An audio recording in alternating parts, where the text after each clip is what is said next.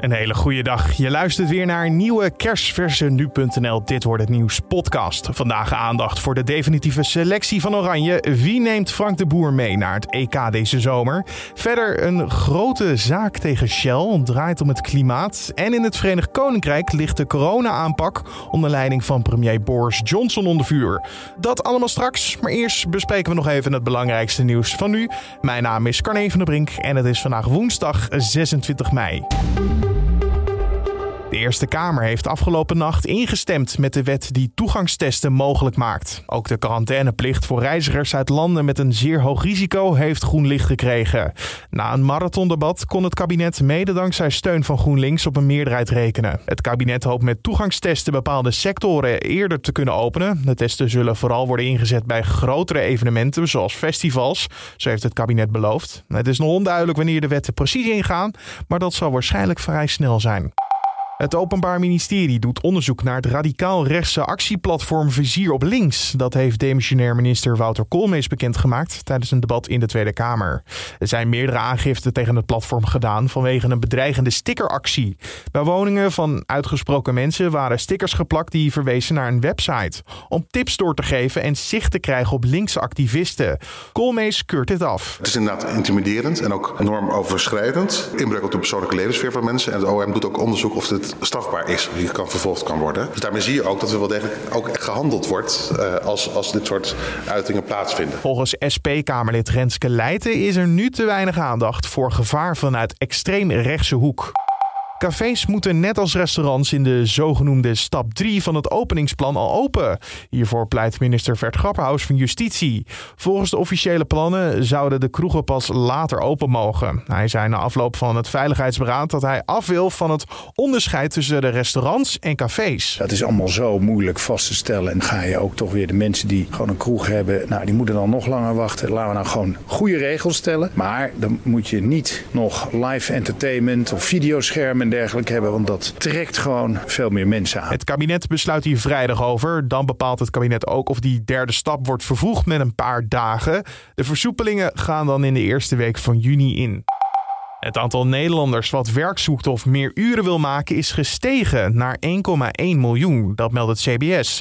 Gemeentes met het hoogste onbenutte arbeidspotentieel waren Groningen en Noord-Holland. Daarnaast was dit probleem het laagst in Zeeland. De werkeloosheid steeg ook vorig jaar van 3,4 naar 3,8 procent. Het was de eerste stijging van de werkeloosheid in zes jaar. Een groot deel van de opgelopen werkeloosheid is weer ingehaald, waardoor die al bijna op hetzelfde niveau ligt als voor de coronacrisis. En dan kijken we naar de dag van vandaag. Oftewel, dit wordt het nieuws. De Nederlandse selectie voor het EK wordt straks om twee uur bekendgemaakt. De bondscoach Frank de Boer geeft daarna om vier uur een toelichting op zijn keuze. En momenteel zitten er nog 34 spelers in de voorselectie. Dat wordt teruggebracht naar 26. Je hoort voetbalverslaggever Riepke Bakker over wie er op de schopstoel zit bij Oranje. Nou, er lijken een paar uh, zekere afvallers bijna te zijn. Uh, om een voorbeeld te nemen, de keepers Sillissen, Stekelenburg, Krul die lijken vrij zeker van hun plek. En de vierde man die erbij zit is uh, Bizot. Nou ja, die viel de afgelopen Interlands al af. En ja, die lijkt ook nu af te moeten vallen voor het EK. Maar ja, waar nog veel meer mensen op de schopstoel zitten, dat is in de verdediging. Um, je wil ongeveer, als je als bondscoach bekijkt, elke positie dubbel bezet hebben. Ja, we spelen met vier verdedigers en misschien met vijf. Maar op dit moment hebben we dertien verdedigers in de voorlopige selectie. Waarvan, uh, let u op, liefst zeven spelers. Dumfries, Tete, Veldman, Timber, Sint-Juste, Hatenboer en Karsdorp, die kunnen allemaal rechtsback spelen. Dus als er één positie is waarbij uh, harde beslissingen genomen moeten worden, dan is het in de verdediging en dan in een bijzonder uh, op de rechtsbackpositie. Als je rechtsback bent momenteel in Oranje, dan moet je je echt zorgen maken. Verder is het al een tijdje duidelijk dat de boer geen aanspraak kan maken op onze captain en verdediger Virgil van Dijk. Heeft hij daar dan ook genoeg keuze? Nou, gek genoeg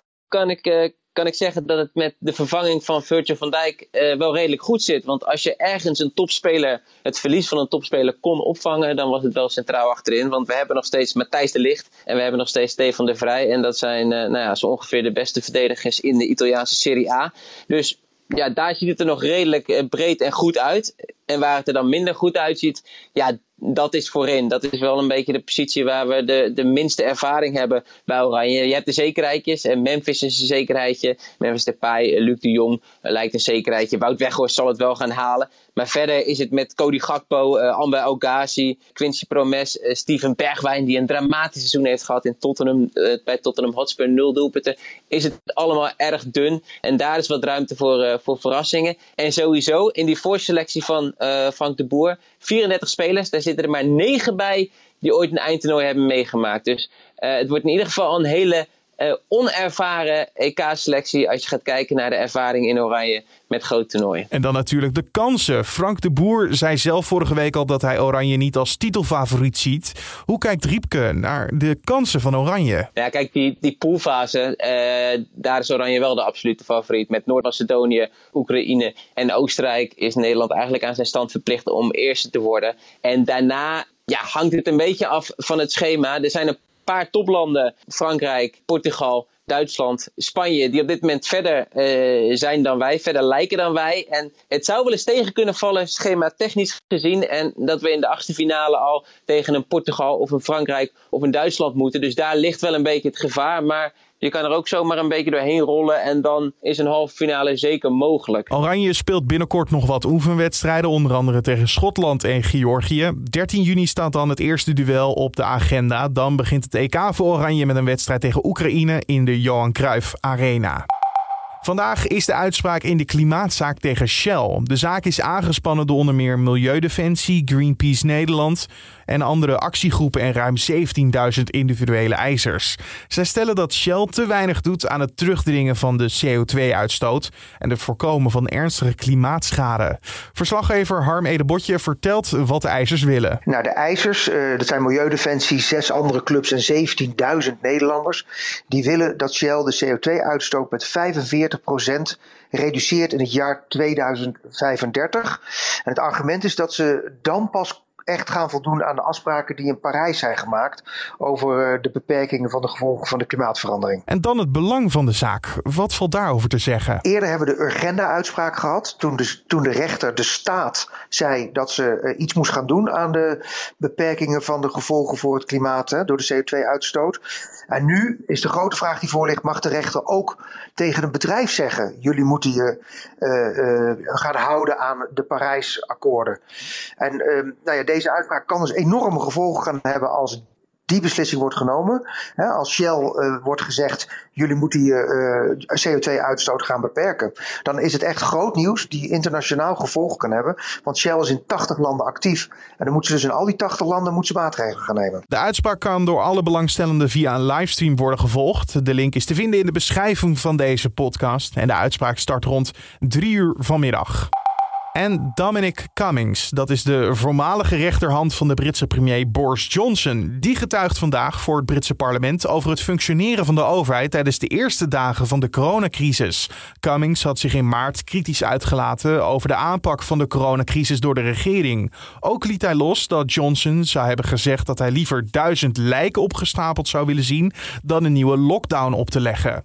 Verwachten we vandaag een nieuwe bom onder het beleid van Johnson? Je hoort buitenlandverslaggever Matthijs Lelou. Dominic Cummings die lijkt van plan om met scherp te gaan schieten en het coronabeleid van de Britse regering flink te kraken. Hij gaf al een beetje een voorproefje in een aantal Twitter-draadjes van wat we ongeveer kunnen verwachten. Zo schreef hij dat uh, aansturen op kudde-immuniteit tegen het coronavirus, dat dat vorig jaar de strategie van de Britse regering was. Gezondheidsminister Matt Hancock die omschreef dat vervolgens als bullshit. Ja, die harde toon in aanloop naar de getuigenis van Cummings die laat zien hoe giftig de verhoudingen zijn geworden tussen hem en zijn oude baas, premier Boris Johnson. Cummings die heeft al aangekondigd dat hij Johnsons optreden tijdens de crisis ook hard zal kraken. Volgens hem was dat, en ik citeer, heel ver onder de standaard van competentie en integriteit die het land verdient. De oud-topadviseur die zegt dat hij documenten heeft die zijn kritiek bewijzen. En er wordt zelfs gespeculeerd dat hij wel eens audio-opnames zou, hebben, uh, zou kunnen hebben gemaakt tijdens zijn tijd in Downing Street. De parlementariërs die hem ondervragen, die zullen waarschijnlijk ook nieuwsgierig zijn naar een verhaal dat vanaf eind april uh, rondgaat.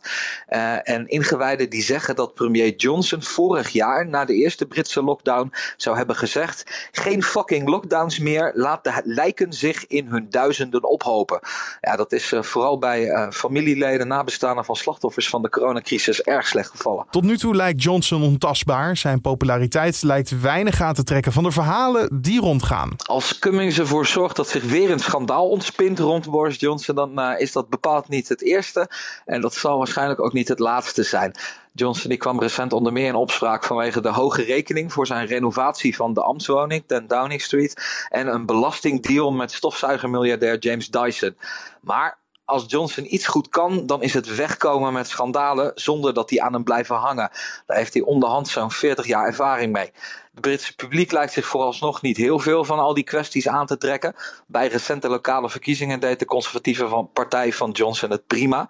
En dat uh, het Britse vaccinatieprogramma zo goed loopt, dat lijkt voor de kiezer een hele hoop goed te maken.